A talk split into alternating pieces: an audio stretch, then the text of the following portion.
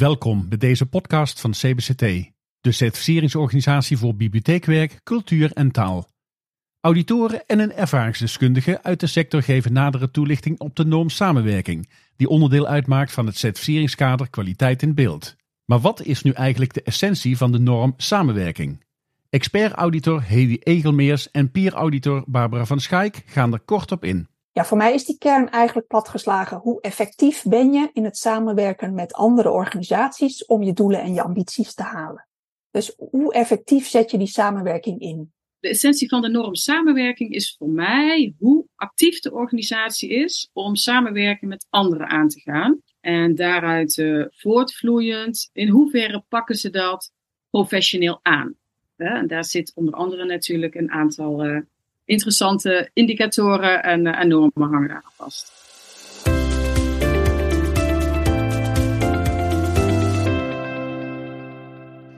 Een van de onderdelen van de certificeringsnorm is de beantwoording van de ja-nee-vragen.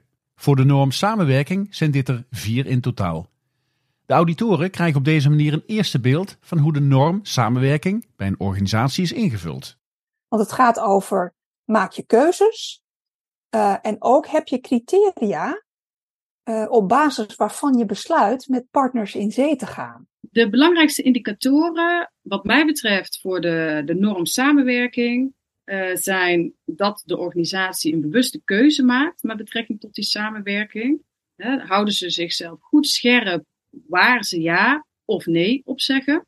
Wat ik ook heel belangrijk vind, is dat de samenwerking, als die plaatsvindt, dat die ook is vastgelegd in een overeenkomst. Hè, wat ook aangeeft wat je van elkaar kan verwachten, welke rol de een en de ander heeft en hoe je ook met elkaar zorgt voor verbeterpunten. Dus een stukje evaluatie, heel relevant. En als laatste vind ik ook het betrekken van samenwerkingspartners bij het aanpassen van producten en diensten van groot belang. Dat is ook weer een stukje doorontwikkeling, evaluatie om die PDCA-cyclus uh, zo goed mogelijk in te richten. Welke documenten met betrekking tot de norm samenwerking zijn essentieel om mee te leveren met de zelfevaluatie? Nou, bijvoorbeeld heb je een overzicht van samenwerkingspartners.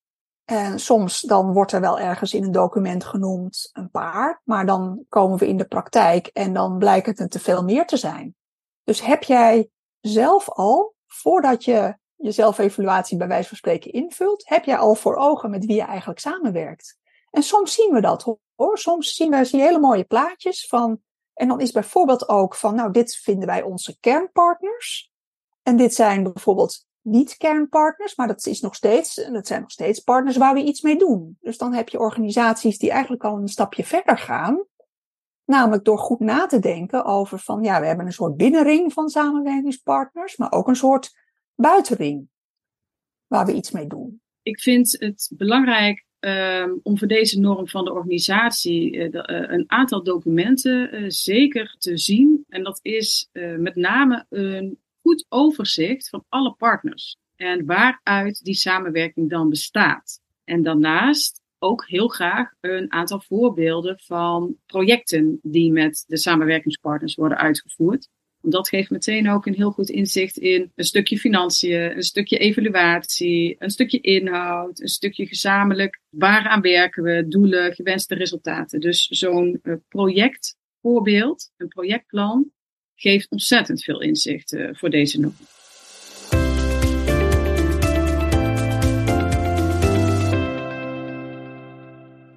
Het invullen van de ja-nee-vragen en het uploaden van relevante documenten is de eerste stap in de zelfevaluatie. Hoewel documenten voor de auditoren een eerste basis vormen voor het beeld van een organisatie, gaat het uiteindelijk om hoe het in de praktijk is georganiseerd en zichtbaar wordt. Daartoe lopen de auditoren telkens een viertal beoordelingsvragen langs. De eerste beoordelingsvraag gaat over het hebben van een toekomstbestendige aanpak op het gebied van samenwerking. Maar wat is dan zo'n aanpak? En kun je volstaan met beleid op het gebied van samenwerking?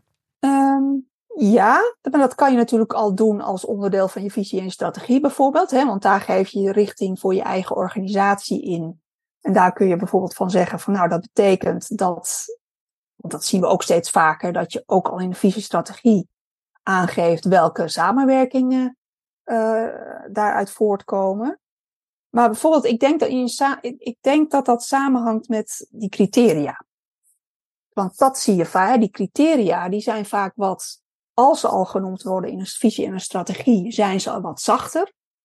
Dus specifiek voor deze norm uh, is het voor ons als auditoren interessant om, om te kijken of op papier staat, sowieso, of die criteria al wat harder zijn. En dat kan bijvoorbeeld in samenwerkingsovereenkomsten. Hè? Daar, kun je al, hè? daar kun je al iets gaan zeggen over van nou, met deze specifieke partner of met deze groep van partners. Um, is, is dit de criteria waarmee we deze samenwerking aangaan. De vraag is nu hoe dit werkt in de alledaagse praktijk van de Hillegomse Muziekschool. Hoe hebben zij handen en voeten gegeven aan hun aanpak op het gebied van samenwerking? Nadine Stolk, directeur-bestuurder van de Hillegomse Muziekschool, gaat er uitgebreid op in. Die vond ik best wel lastig, want die sluit dus heel erg aan bij onze nieuwe organisatievorm eigenlijk. We hebben in het nieuwe meerjarenbeleidsplan gekozen voor twee pijlers: muziekschool, muziekcentrum. Uh, muziekschool zijn alle interne activiteiten op onze eigen locatie, die we eigenlijk al jaren doen. Die ook wel ontwikkelen, maar in mindere mate. Uh, muziekcentrum is helemaal nieuw. Zijn we net uh, aan het, dat, dat meerjarenbeleidsplan zijn we nu net aan het implementeren. Ehm, dus het muziekcentrum is vrij nieuw. Um, en dat betekent dat deze norm ook heel anders is dan de vorige keer dat ik het had over samenwerking. Heel veel dingen deden we ook al wel toen, maar niet met deze visie en uh, met deze achtergrond en ook niet in, in, deze mate. Uh, dus dit is wel een, een, een lastige. Maar aan de andere kant moet ik ook zeggen dat het certificeren ook wel heel erg hielp om um, om het ook goed te gaan organiseren. Om niet alleen een heel mooi verhaal in je hoofd te hebben van, nou, wij vinden het belangrijk om samen te werken met andere organisaties in het sociaal domein en muziek als middel in te zetten. Maar om verder te komen dan dat verhaal, maar om het ook echt uh, letterlijk te gaan implementeren en te zorgen dat het gewoon in onze organisatie ingebed wordt aan alle kanten. Uh, en een van de dingen die heel ingewikkeld is, is um, ik hoor heel vaak in, uh, in onze sector, ja, we, worden gezien als een duizend dingen doekje. En dan denk ik, ja, het is maar net wat voor beeld je bij een duizend dingen doekje hebt. Als je het beeld hebt van uh, heel negatief, het is een doekje wat overal voor gebruikt wordt, maar het is eigenlijk nergens echt goed voor, ja, dan is het niet zo'n goed uh, idee. Maar ik zie een duizend dingen doekje ook wel als een compliment, omdat ik denk, ja, muziek is uh, voor mij nog steeds een van de allermooiste dingen die er is in dit leven. En muziek kan je op duizend manieren inzetten en um, kan op heel veel manieren van betekenis zijn voor anderen. En waarom zouden wij voor dat ene gaan, alleen maar voor die educatie en die ontwikkeling? Er zijn nog zoveel andere manieren waarop we van waarde kunnen zijn en van betekenis kunnen zijn voor de mensen om ons heen. En uh, dat is voor mij dat duizend dingen doekje. Maar het gevaar daarvan is, en daarom snap ik wel dat het zo'n discussie is, um, is dat in je enthousiasme om dat duizend dingen doekje te willen zijn en om maar te laten zien van moet je eens kijken hoe mooi het wel niet is, dat je um, soms ook je eigen waarde of je eigen identiteit een beetje verliest. Omdat je dan toch uh, denkt, hé hey, leuk, uh, als ik wil hè, kan ik elke week met een nieuwe activiteit starten en een nieuwe samenwerking aangaan in Hillegom. Maar uh, soms zijn het ook dingen waarbij ik wel de waarde van muziek bijna niet terugzie. Dus dat zijn wel dingen om daar voor jezelf ook heel duidelijk in te zijn. Um, en uh, dat is het fijne aan het certificeren. Dan moet je daarover nadenken, daar moet je beleid op maken. En, uh, en dat helpt mij ook wel enorm om te bedenken: oké, wat zijn de stappen die ik moet zetten? Uh, op het moment dat er een samenwerkingspartner vraagt: zullen we dit of dat?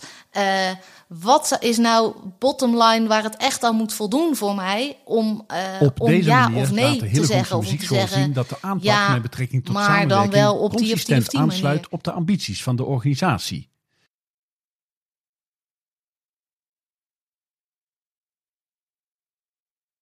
Maar hoe heeft zij deze aanpak nu concreet gemaakt? En wat is de rol van de eerder genoemde criteria daarbij? zijn eigenlijk gewoon drie criteria. Heel makkelijk, want ik wil heel graag dat de cirkel rond is, zoals in alles. En dat betekent de drie kernwaarden van de organisatie. moeten terugkomen in uh, elke activiteit. Uh, ik kan natuurlijk een heel mooi verhaal gaan maken en een heel ingewikkelde checklist van op het moment dat er iemand belt, kunnen we dit of dat, dat ik met twintig uh, voorwaarden kom. Maar eigenlijk in de basis is het gewoon allemaal hetzelfde. En dat is specialisatie, verbinding, inclusie.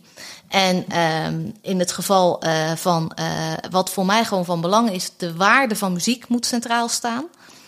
Um, en het allermooiste is uh, als dat een combinatie kan zijn van de waarde van, van mijn organisatie, dus dat is muziek. Um, en die waarde is heel groot. Dus dat kan de ene keer kan dat het stukje zijn ontwikkeling. En de andere keer kan het uh, uh, zijn dat het een middel is om nieuwe mensen aan elkaar te verbinden. Of dat het een middel is om iemand nieuw, een nieuw talent te laten ontdekken. Kan ingezet worden bij mensen met dementie of een haperend brein. Dus in de breedste zin van het woord, de waarde van muziek moet terugkomen. Um, en in de samenwerking wil ik ook heel erg graag dat de waarde van die andere organisatie terugkomt. Uh, zodat het een win-win wordt. Dus dat het wordt de twee waardes bij elkaar die samen zorgen voor meerwaarde. En dat is ook een ingewikkelde, want dat betekent dat je een nieuwe activiteit gaat ontwikkelen. Je gaat dus, ik ga dus niet voor um, uh, een muziekactiviteit die we al jaren doen. Ik zeg maar wat, een koor. En dat gaan we opeens uh, ook doen uh, in een bejaardentehuis. Want joh, dat konden we toch al, maar nu doen we op een andere locatie. Klaar, hartstikke leuk. Nee, wij gaan naar dat bejaardentehuis. We gaan met die organisatie praten om te kijken waar is jullie behoefte? Wat, wat kunnen wij voor jullie betekenen? En um, dan gaan we ook kijken andersom van ja, hoe, wat kunnen wij van jullie leren, zodat het een activiteit wordt die aansluit bij die mensen. En dat moet altijd het uitgangspunt zijn dat de deelnemer, wie dat dan ook is, dat die centraal staat in de activiteit. Dus dat, in de basis is dat dus, en dat zijn, uh, daar komt die specialisatie dan terug voor mij. Uh, je gaat eigenlijk twee specialisaties met elkaar uh, verbinden. Uh, waardoor een nieuwe groep mee kan doen met, uh, met muziek. En dan heb je die drie kernwaarden. Dus dat is voor mij wat ervoor zorgt of dat je wel of niet een samenwerking aangaat. Is die basis er om dat te gaan doen? Of is het gewoon de vraag: kom even je kunstje doen bij ons? Uh, dat, dat is voor mij niet wat maatschappelijke meerwaarde en breed maatschappelijk inzetbaar willen zijn in het dorp inhoudt. Op welke manier beoordelen de auditoren in hoeverre het beleid of de aanpak met betrekking tot samenwerking in de alledaagse praktijk ook terug te zien is? Ik wil graag het gesprek met je samenwerkingspartner. Om aan hun te vragen hoe, hoe ervaren zij de samenwerking en hoe is het voor hun gegaan. En uh, soms zitten we bij hele grote organisaties waar we wel twee dagen zitten. Die bijvoorbeeld ook echt dat onderscheid hebben tussen kernpartners en niet-kernpartners. En dan wil ik zelfs nog wel zo, zo brutaal zijn om te vragen van nou, ik wil en een kernpartner wel spreken, maar ik wil ook wel eens een niet-kernpartner spreken. Want die zitten soms wat, hè, verder af en dan is de dynamiek net iets anders. En dat kan dan uh, heel erg uh, interessant zijn. En bij, ik denk bij samenwerking, samenwerkingspartners, dan denk ik ook aan je subsidiegever. Dat is ook een samenwerkingspartner, maar wel een van een andere categorie die we ook altijd wel apart willen spreken, omdat daar gewoon ook sprake is van ja, een iets andere verhouding. Want uiteindelijk is de subsidiegever degene die de opdracht geeft en het geld uitdeelt. Um, dus de, de eisen voor deze norm aan die, die vorm van samenwerking zijn nog steeds hetzelfde, maar het heeft wel een eigen en een extra dynamiek, die je ook wel kunt benoemen in de zelfevaluatie.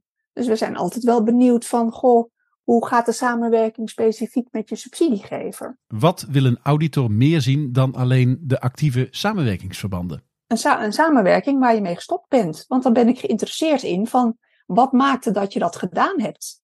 en, en dan het feit dat je dat gedaan hebt op basis van criteria. Uh, je bent een samenwerking aangegaan en die ben je gaan evalueren. En dan kom je weer terug bij je criteria. Wat blijkt nou? Het was misschien een prima samenwerking, maar eigenlijk voldeed het niet aan onze criteria. En dus hebben we ervoor gekozen om, om te stoppen. En wat er dus ook belangrijk is, uh, is dat je die evaluatie doet. En wat ik zelf, ja. wat ik zelf ook wel altijd vraag als, als we het hebben over evaluaties, is of er niet alleen wordt geëvalueerd inhoudelijk, hè, dus wat hebben we inhoudelijk samen gedaan, maar hebben we ook naar uh, de relatie uh, en, en echt het samenwerken in de samenwerking gesproken met elkaar.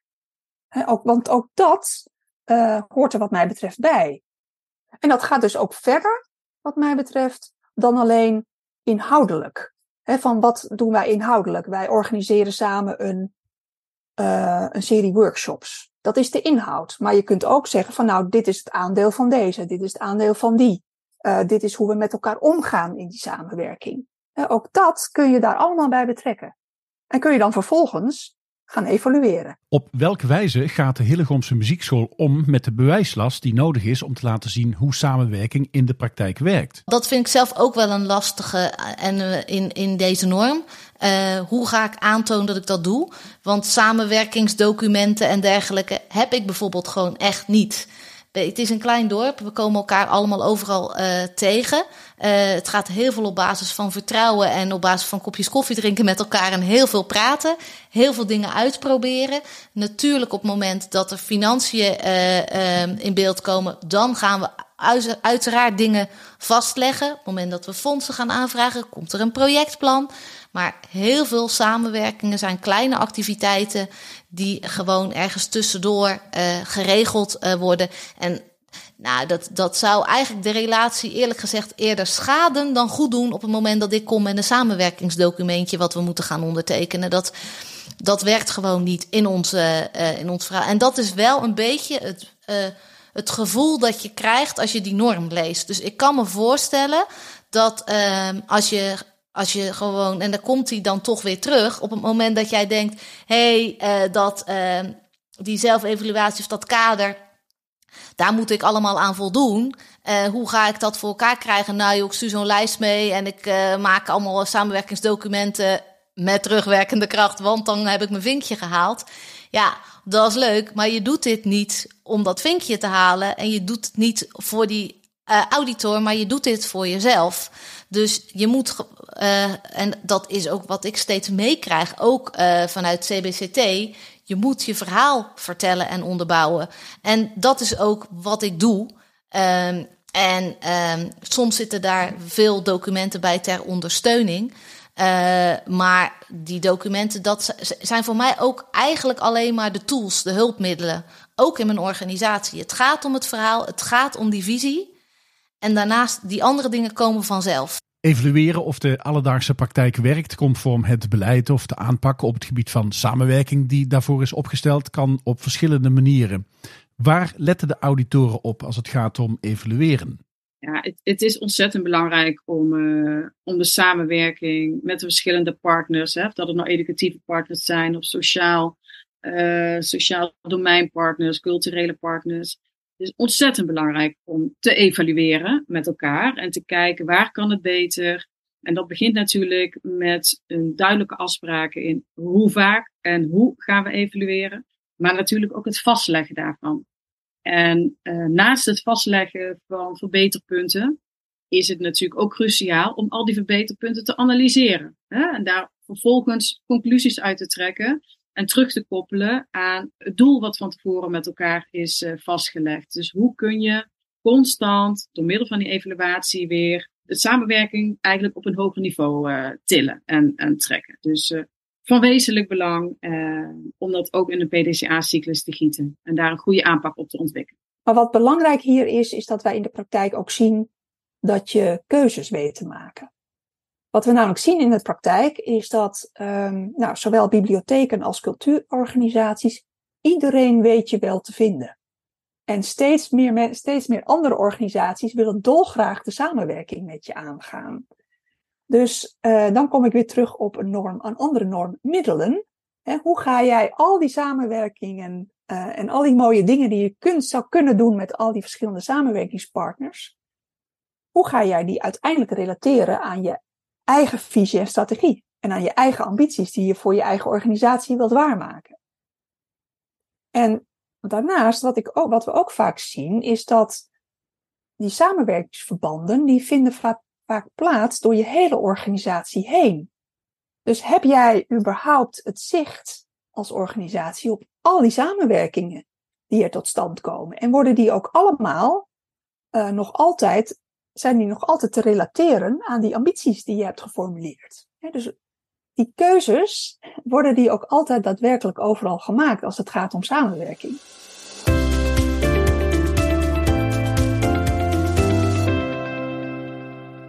Tot slot wordt de essentie van certificering vanuit het gezichtspunt van de norm samenwerking nog een keer samengevat. Zie het als een laatste tip voor organisaties om vorm en inhoud te geven aan samenwerking. Wat mij betreft dient de organisatie uh, voor deze norm vooral er goed op te letten dat ze hele duidelijke rollen, taken en verantwoordelijkheden met elkaar hebben afgesproken. En dat deze ook volgens optimaal aansluiten bij de, de missie en de gewenste resultaten van de organisatie zelf. Maar daarnaast zit hier wat mij betreft ook een belangrijk stukje wat betreft innovatie. Ja, wat doe je met elkaar en waarom doe je dat met elkaar? En uh, hoe zorg je ervoor samen dat er doorontwikkeld, geïnnoveerd wordt? Want dat zegt namelijk weer iets over de, de toekomstbestendigheid van deze organisatie. En ik ben van mening dat je als organisatie samen met anderen makkelijker, beter en sneller